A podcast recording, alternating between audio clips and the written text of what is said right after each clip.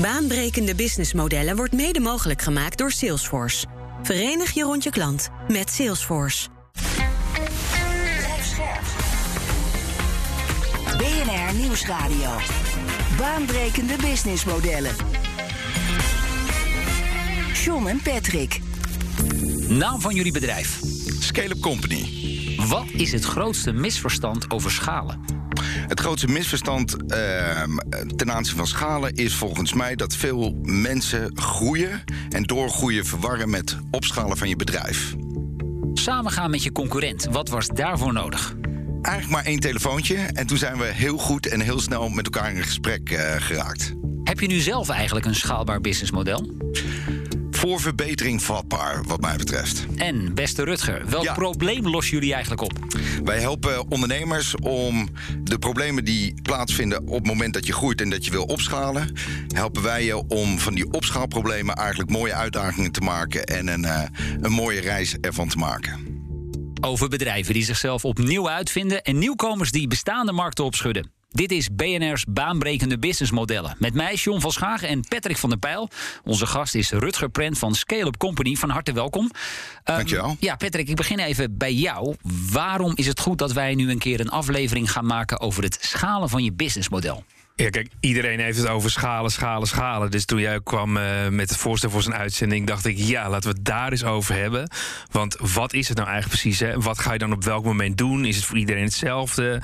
Uh, is het een must? Dus, um, het is een beetje ja. containerbegrip. Ja, absoluut. Ja. En moet ik dan bij schaalbaar altijd aan digitale bouwstenen denken? Want dat is het eerste wat in mijn hoofd naar boven komt. Nou, ik ben benieuwd hoe Rutger daar naar kijkt. Maar um, het ligt natuurlijk wel voor de hand. Omdat um, als je nadenkt over schaal, zeg maar eigenlijk alle hobbels wegnemen. Um, dat je snel kan groeien, maar uiteindelijk wel voor zorgen dat dat met minder uh, resources, uh, steeds minder resources gaat. Dan is digitaal heel vanzelfsprekend. Maar uiteindelijk zie je ook wel dat de andere uh, zaken een rol spelen. Dus het is niet uitsluitend digitaal. Nee, Rutger, is er eigenlijk een definitie van schalen? Nee, ik, ik ben er naar op zoek, om het zo maar te zeggen. Ik denk dat er veel verschillende definities zijn. Het start eigenlijk al met de vraag: wat is een scale-up? En wat ik net al zei, ik denk dat er heel veel groeibedrijven zijn die noemen zichzelf een scale-up.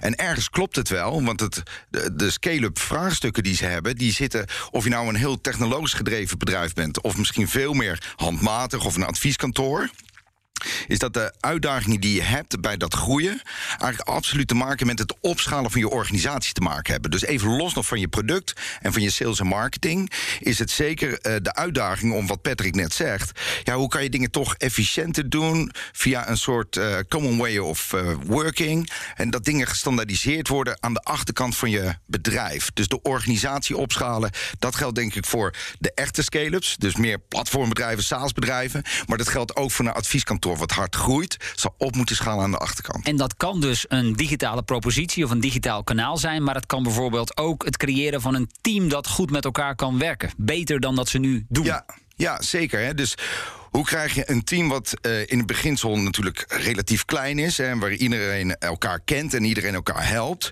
hoe zorg je er nu voor dat die, uh, die ondernemende cultuur eigenlijk vastgehouden wordt? Dus dan heb je het er eigenlijk over hoe kan ik mijn cultuur van het eerste uur opschalen. En tegelijkertijd moeten we ook professioneler worden. He, dus dat ondernemende en dat pionieren aan het begin, ja, dat is niet voldoende. Uh, maar dat wil je wel vasthouden en opschalen. En tegelijkertijd moet je eigenlijk dus ook efficiënter gaan werken. En de professionaliseren van je achterkant vind ik ook een schaalvraag. Dat is een schaaluitdaging. Jij sprak de afgelopen jaren natuurlijk met uh, honderden scale-ups. Ja. Wanneer ben je eigenlijk een scale-up? Nou, in Nederland zeggen we eigenlijk dat de grens ligt bij 10 FTE en 1 miljoen euro omzet. Of bruto marge als je een, uh, wat meer een platform of een uh, handelsbedrijf bent. Uh, ja, in Amerika zullen ze daar weer andere grootheden aan koppelen. Daar zullen ze eigenlijk veel eerder zeggen... ja, misschien is het pas vanaf 10 miljoen. Dan begint het pas echt, dan begint het pas echt te schalen. Maar dat zijn er relatief uh, weinig. Dus uh, ik, ik, denk dat, dat dat opschalen... dat heeft nogmaals echt te maken met dat opschalen van je organisatie. En als je die vraagstukken hebt... Hè, je zou bijvoorbeeld ook een bedrijf kunnen hebben... wat eigenlijk nog geen omzet in de markt maakt... maar veel funding heeft opgehaald. Dus een goed idee, een, een potentieel goed product. Ja, dan zie je wel dat ze die opschaalvraagstukken... die hebben ze absoluut wel. Ze hebben nog geen omzet. Nee. Hè, maar ze hebben absoluut de uitdaging om met 40 man dingen wel effectief en efficiënt te doen. Op een hele leuke manier. Nu hebben wij hier eh, de afgelopen, nou ja, laten we zeggen, 30, 40 uitzendingen al regelmatig naar gevraagd bij ondernemers. Van Ja. hoe, hoe doe je dat, dat schalen? Dat blijkt in de praktijk toch wel verrekte lastig. Ja. Hoe komt dat? Ehm, ik denk, ja, er zijn, er zijn verschillende dingen te noemen. Maar ik, ehm, ten eerste, het is complex. Het is eigenlijk gewoon heel complex wat je op dat moment moet gaan doen als ondernemer. En het is wezenlijk iets anders dan wat je daarvoor hebt gedaan. En daar kom ik zo even op terug, want het gaat ook over de rol van de ondernemer en de activiteiten die je moet ontplooien. Ehm, maar dat opschalen is gewoon zo lastig, omdat het ja, gewoon te maken heeft met mensen en met cultuur in eerste instantie. Ehm, en er komt nog iets bij, dat als een bedrijf groeit... dan zal alles wat daarvoor eigenlijk een soort bijbaan is van de ondernemer of de ondernemers... zoals HR, marketing, finance, en dat wordt er allemaal een beetje bijgedaan... die bijbanen worden cruciaal. Dus er moet eigenlijk een professional of een expert op. En misschien niet één, want één is geen, maar misschien wel twee. Maar hoe ga je dat op dat moment financieren? Dat is één. En ten tweede, als je daar echt hele goede mensen voor wilt hebben, hoe kan je die überhaupt een leuke, uitdagende baan bieden op dat vlak? Dat, dat, dus dat is heel lastig, denk ik. En, en om terug te komen op de rol van de ondernemer, ja, er wordt wezenlijk op een gegeven moment iets anders gevraagd van je.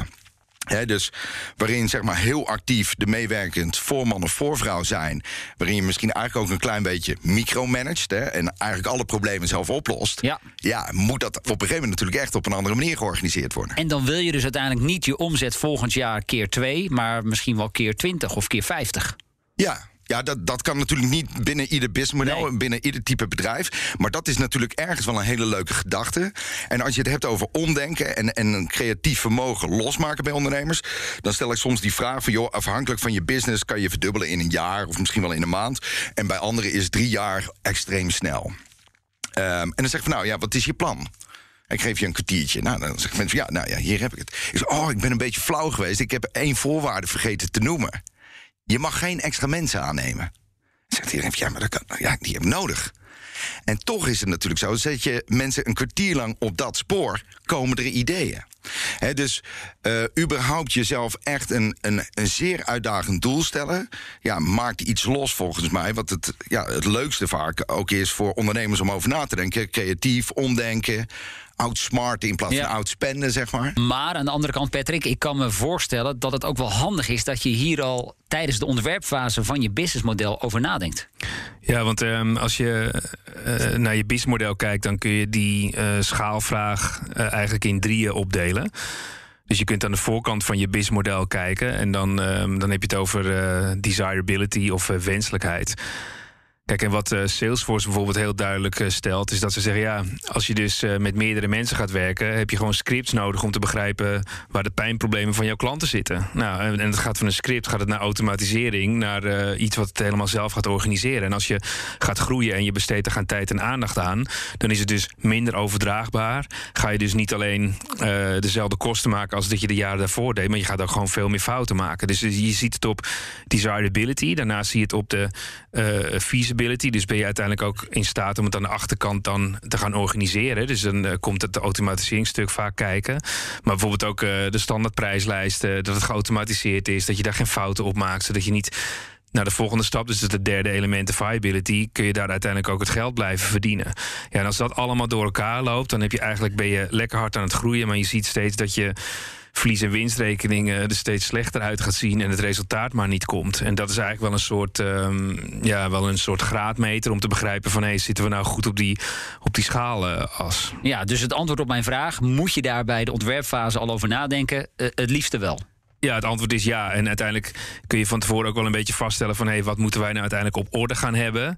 En wanneer gaat het moment dan zijn dat we daar tijd en aandacht aan besteden? Kijk, bijvoorbeeld het vaststellen van een klantprofiel en daar scripts op maken, dat is niet zoveel werk. Maar het feit dat je dan op een gegeven moment een systeem in gaat regelen, eh, dat is wel een ander verhaal. Maar het maakt ook zeg maar dat als je kijkt naar dat soort systemen als eh, automatiseringssystemen.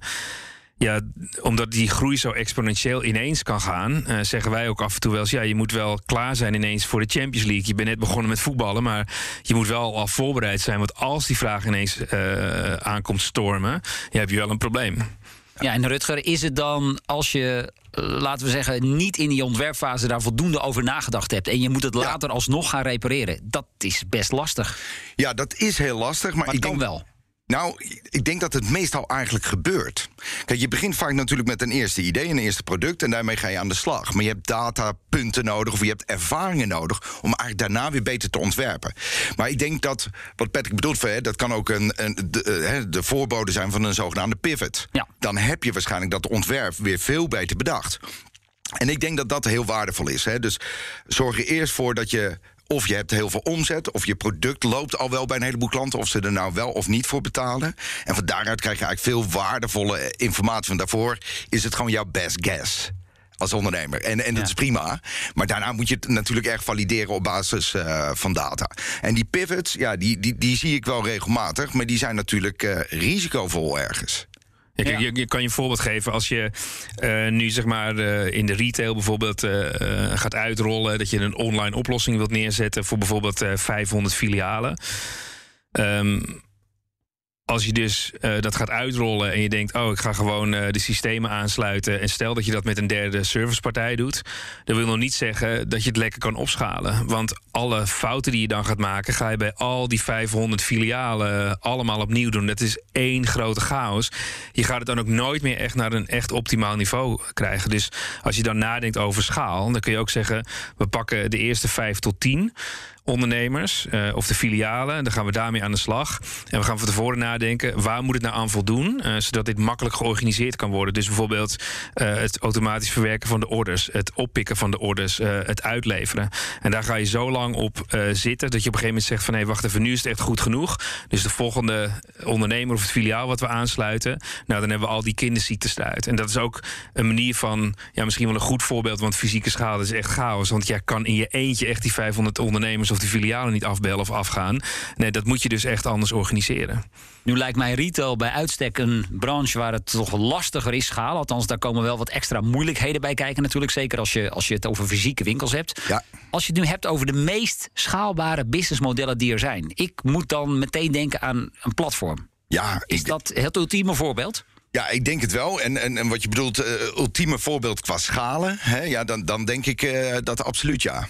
Hoe snel dat kan gaan, of, hè, vaak ook omdat er gebruik wordt gemaakt van eigenlijk kennis of assets van anderen.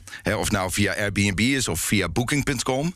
Ja, je maakt gebruik van iets wat er allereerst, maar het is van anderen. En, en daar heb je een efficiëntere, betere oplossing voor. Ja, dus dat betekent dat je die eh, bij een Uber, je hoeft die eh, taxis niet in je eigen bestand eh, te hebben, die chauffeurs al helemaal niet.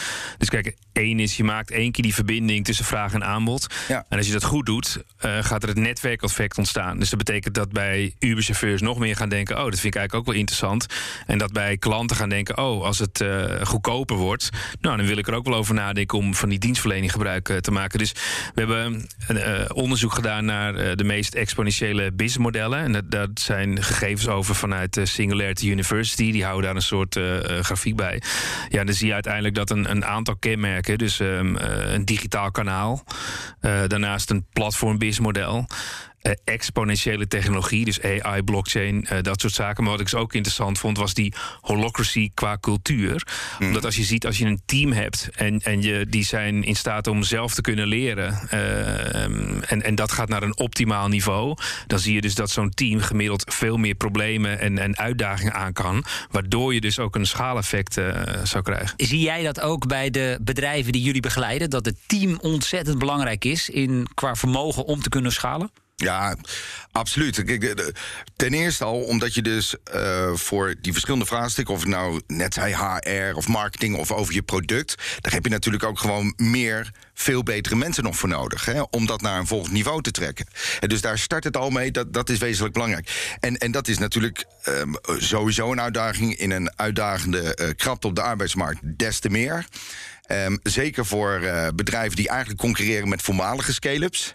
Of het nou Salesforce is of andere partijen die echt heel veel kunnen betalen.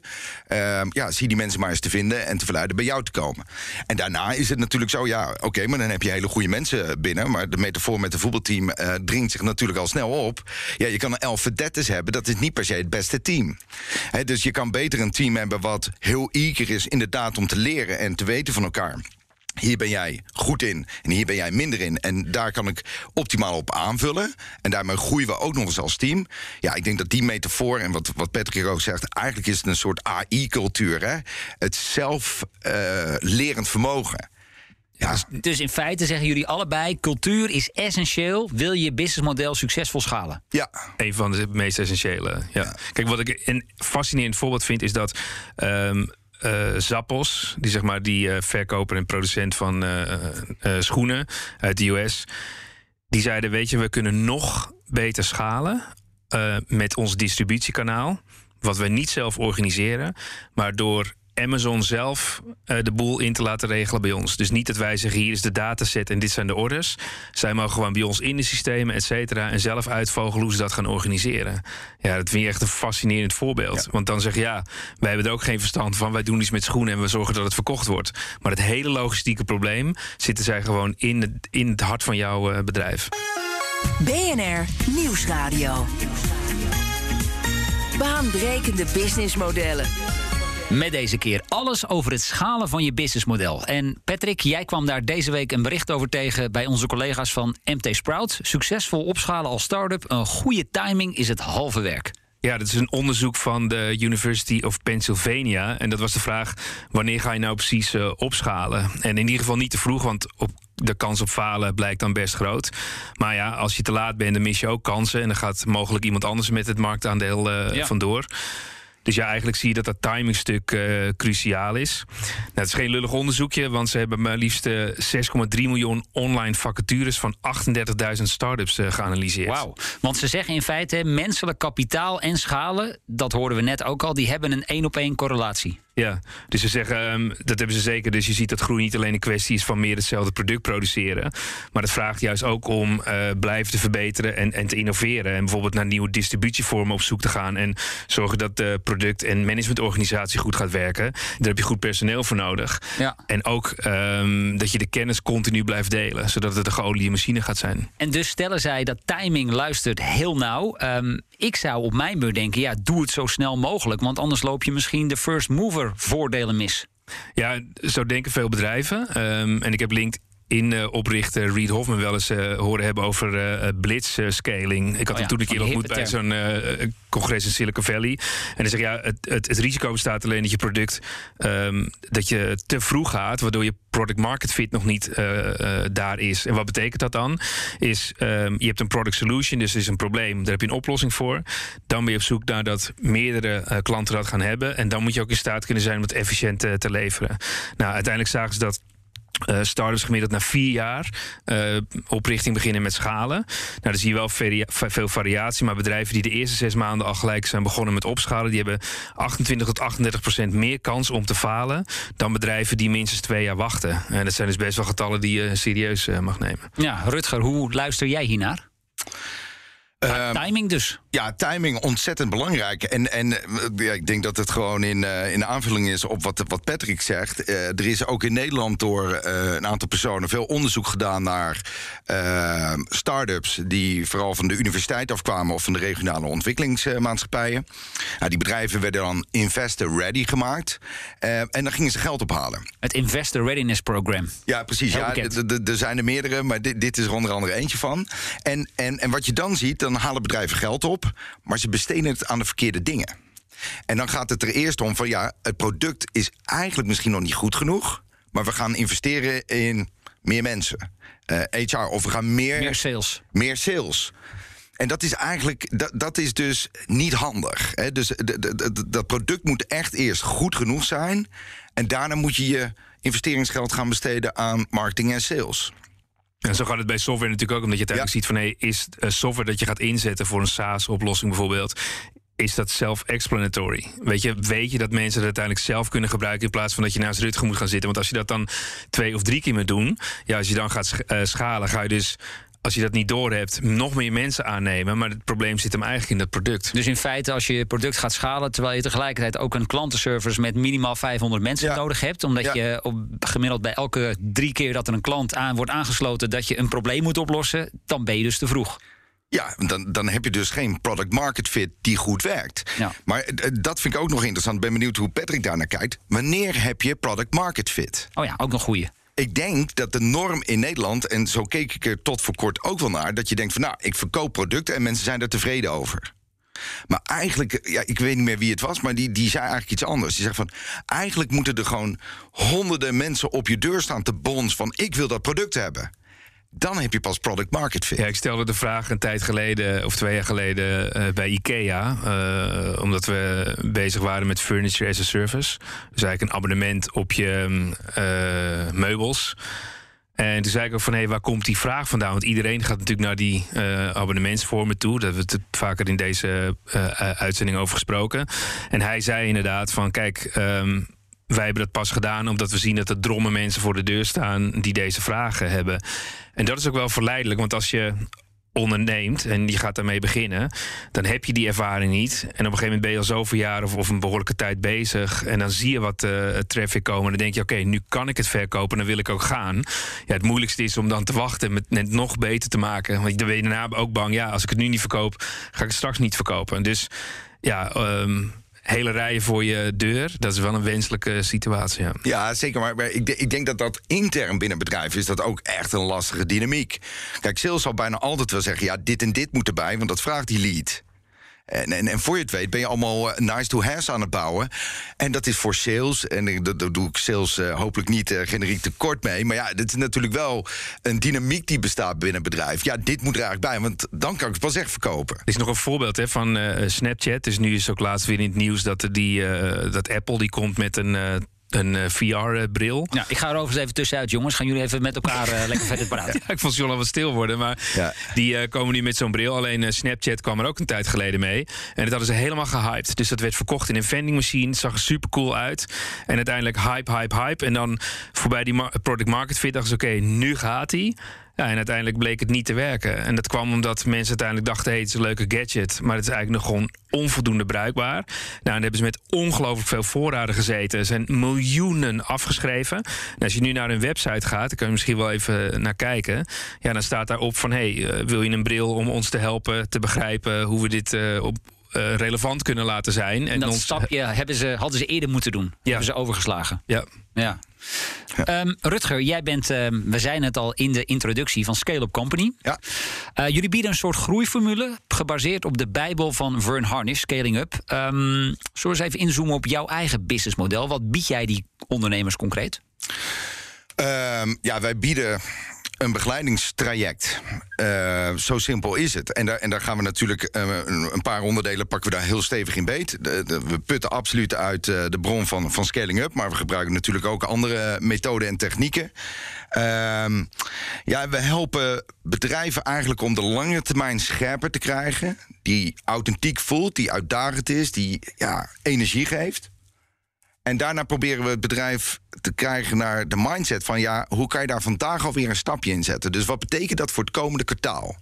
Een droom is mooi, maar het is nog gaver als je hem gaat proberen te realiseren.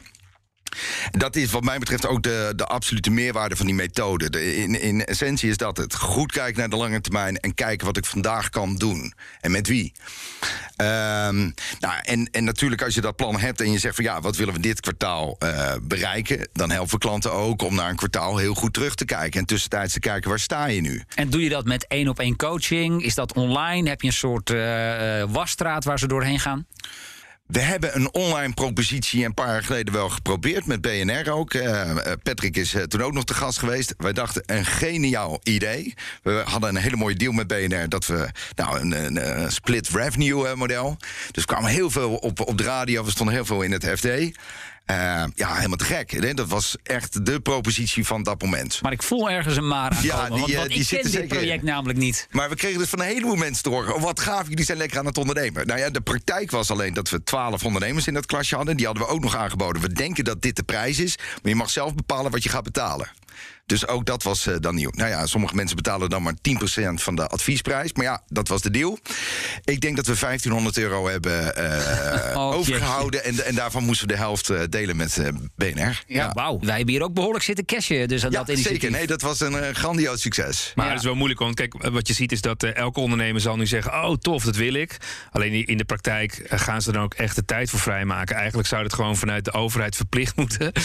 dat ze dat op die manier doen. Als je dat gaat regelen dan gaat de economische groei in Nederland echt significant omhoog. Nu was jij tot eind vorig jaar actief onder de naam Go Fast Forward. En vervolgens ben jij gefuseerd met jouw concurrent Scale Up Company. En zo heet jullie inmiddels ook. Waarom was dat? Was jouw eigen businessmodel niet voldoende schaalbaar soms? Nou, dat was niet helemaal de reden. Want ik denk dat ons businessmodel was anders dan de meeste andere partijen eh, in Nederland. Maar ook uh, ja, wat, wat, ik om me heen in andere landen zie. We hadden uh, een, een groeiprogramma echt voor ondernemers. Dus waar ondernemers met elkaar zaten. En we hadden daar natuurlijk een mooie, ja, zeg maar een MBA voor ondernemers voor gecreëerd. Nou, daar waren mensen ook al jarenlang zeer tevreden over. Dus dat werkte goed. En we wilden die mensen naar zo'n programma gewoon langer meerwaarde blijven bieden. Dus we hadden een community model. Dus mensen betaalden gewoon een maandelijkse fee. Nou, dat, dat was ooit natuurlijk ontstaan uit de gedachte... hoe kunnen wij ook versazen als bedrijf? Uh, alleen wij hebben nog steeds wel een product... wat vooral door mensen wordt geleverd dan. Maar dat, dat, dat was wel een hele leuke uh, manier om, om in ieder geval ook te kijken... wat, kunnen, wat betekent dat voor het bedrijf? Hoe doe je dat? Um, dus dat was op zich best wel schaalbaar. Kijk, je hebt ook andere omstandigheden. Ehm, we mochten gewoon niet fysiek bij elkaar komen. En dat was bij ons nog wel belangrijk. Um, ja, heel eerlijk gezegd. Ik denk dat wij, en, en datzelfde geldt voor Scale-up Company, eigenlijk de first mover in de markt zijn. Maar je zei het al, ja, de first mover voordelen. Die heb je wel, want je hebt een brand en mensen kennen je al langer. En dat ja, werkt misschien ook wel wat sympathie op. Maar ik had toch zoiets van, ja, ik wil ook geen laggard worden. En ik denk dat we moeten versnellen, omdat de markt gaat professionaliseren richting scale-up begeleiding. En dan hebben we zelf bloed, zweet en tranen erin gestopt om die markt te maken. En dan worden we straks links en rechts ingehaald. Dus ik wilde zorgen dat we eigenlijk konden versnellen met elkaar op innovatie. En daarnaast was het ook simpel zo dat, dat Scale-up Company al een tijd bezig was om een community op te zetten. Maar dat lukte niet. Nou, dat boden wij. En wij hadden ook klanten in onze community die zeiden: van, ja, ik vind dat leuk, die events. Maar ik wil eigenlijk veel meer één op één begeleiding. En dat konden we eigenlijk onvoldoende bieden. En daar waren zij goed in? Absoluut. En daar hebben ze een infrastructuur voor. En we hebben 30 uh, scale-up pro's, noemen we die. Uh, het zijn oud-ondernemers die uh, deze methode hebben geïmplementeerd, zijn gegroeid schade en schande wijzer geworden. En die brengen die kennis en die methode weer over bij andere ondernemers. Ja, daar, daar waren wij stiekem uh, reet jaloers op. En toen uh, heb je op een willekeurige dag besloten... laat ik er toch maar eens een telefoontje aan wagen. Ja, zeker. Je en, ego opzij moeten zetten. Ja, ja zeker. Maar de, die credits gaan in eerste instantie toch echt wel naar mijn uh, David Sluis. En, en daar heb ik inmiddels een tegeltje voor. Het tegeltje van Sluis. Zorg er altijd voor dat je in contact bent met je belangrijkste concurrenten. En dat, heeft hij, dat doet hij altijd.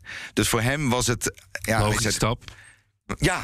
En hij, hij zegt van ja, we moeten ze gewoon bellen. En, en daar was het niet per se op de radar. We hadden ook niet per se zoiets van we willen fuseren. We hadden zoiets van ja, op welke manieren kunnen we samenwerken om die markt gewoon veel beter te bedienen en, en onszelf ook weer een nieuw perspectief uh, te gunnen.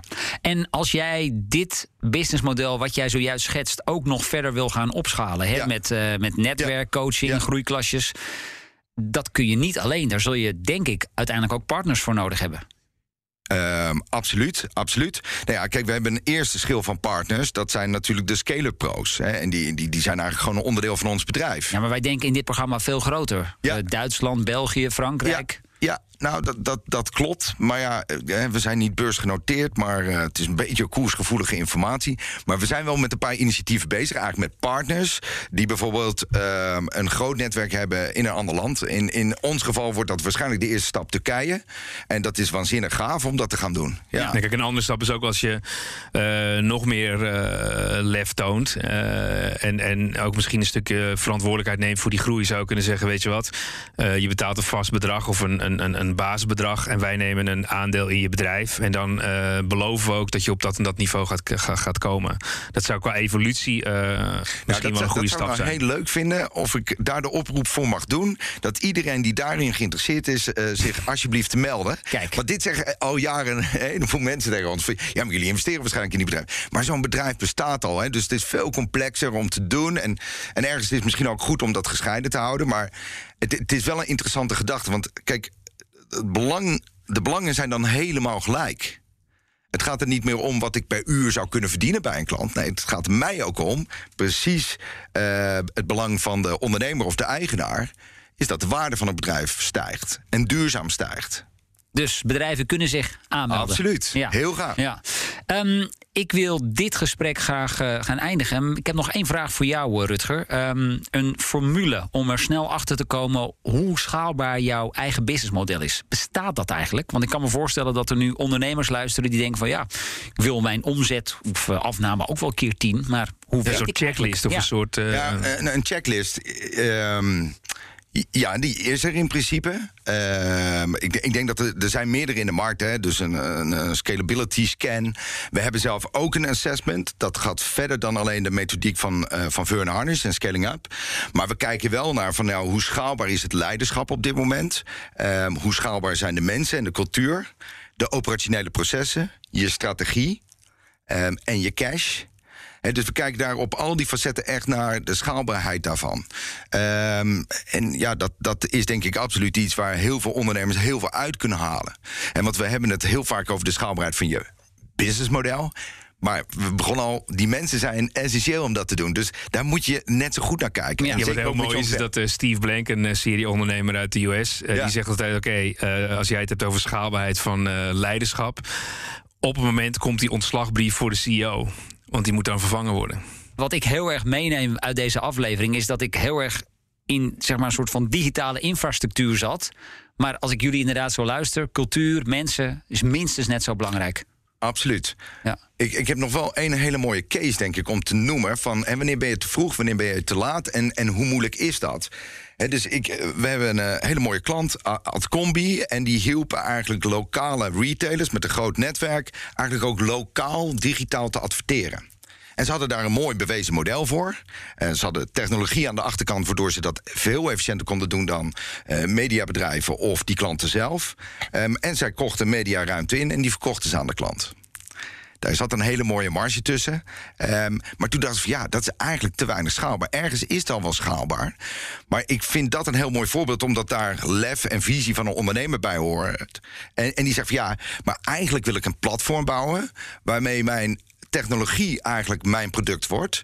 En dat moet zo klantvriendelijk zijn dat wij het niet meer ho hoeven te inkopen en te verkopen. Dat moet het platform kunnen doen. Nou, die pivot die ze hebben gemaakt, daar hadden ze natuurlijk wel die ervaring voor nodig. En dus ze hadden die data in de markt nodig. Ze waren vier jaar actief. Eigenlijk ging het toen best wel aardig. En toen zeiden ze van, nou, we gaan het toch anders doen. Maar dan verdienden ze per klant eigenlijk maar 10% meer dan daarvoor.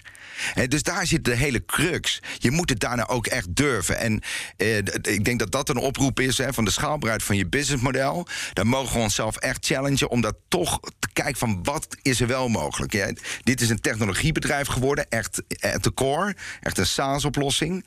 Uh, maar dat denken erover is, is denk ik heel inspirerend. Maar dat, dat helpt ons ook echt om uh, ja, betere bedrijven te krijgen en meer gelukkige klanten. Dat is wel interessant. Wat Annemarie Vergaal heeft dat met Moscow Times gedaan. Uh, hetzelfde voorbeeld waar daar zei wij, wij gaan niet meer bepalen welke schapsruimte er is om advertenties te plaatsen. Maar we laten dat aan de mensen zelf uh, met een heel klein beetje technologie. Ja, mooi. Patrick, tot slot, wat neem jij mee uit deze aflevering?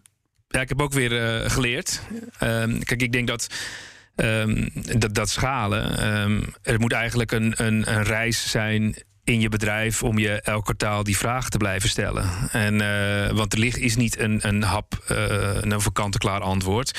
Dus je moet eigenlijk steeds kijken van... hé, hey, waar zit het dan? Zit het dan in mijn personeel dat wel of niet goed met elkaar kan werken? Of zit het in de methode? Of uh, in de website? Of uiteindelijk in een stukje digitalisering? En kijk, je kunt natuurlijk wel op je klomp aanvoelen... dat in het begin, als je start, dat het hele kleine stapjes zijn... en dat je het nog op papier kunt zetten. Bijvoorbeeld zo'n persona van een klant... door te weten, wat ga ik hem vragen en antwoorden. Maar uiteindelijk komt dat dan toch wel wel in uh, digitale stappen uh, terecht. Omdat je het ook met meerdere collega's kunt delen. Dus um, ja, gewoon echt periodiek als ontdekkingsreis zien en jezelf die vraag stellen. Patrick van der Pijl, dankjewel. En dat zeg ik uiteraard ook tegen Rutger Prent van Scale Up Company. Went het al de naam? Ja, dat is toch nog gek. Ja, ik werd vanmorgen ook door een andere ondernemer voorgesteld bij die groep. En uh, die kende onze beide bedrijven ook wel uh, uh, vorig jaar, zeg maar al. En zei van ja, dat, dat voelt toch nog gek. Want vorig jaar wilden we ze natuurlijk toch eigenlijk gewoon verslaan. Ja. het begint te komen, John. Heel voelt goed, maar. Heel goed. Nou, wat in ieder geval ook goed voelde was dat jij hier was. interessant gesprek. Um, wij zijn er uiteraard volgende week weer. Wil je voor die tijd al meer luisteren? Check dan ook onze andere afleveringen via bnr.nl, de BNR-app of je favoriete favoriete podcastplatform. Baanbrekende businessmodellen wordt mede mogelijk gemaakt door Salesforce. Verenig je rond je klant met Salesforce.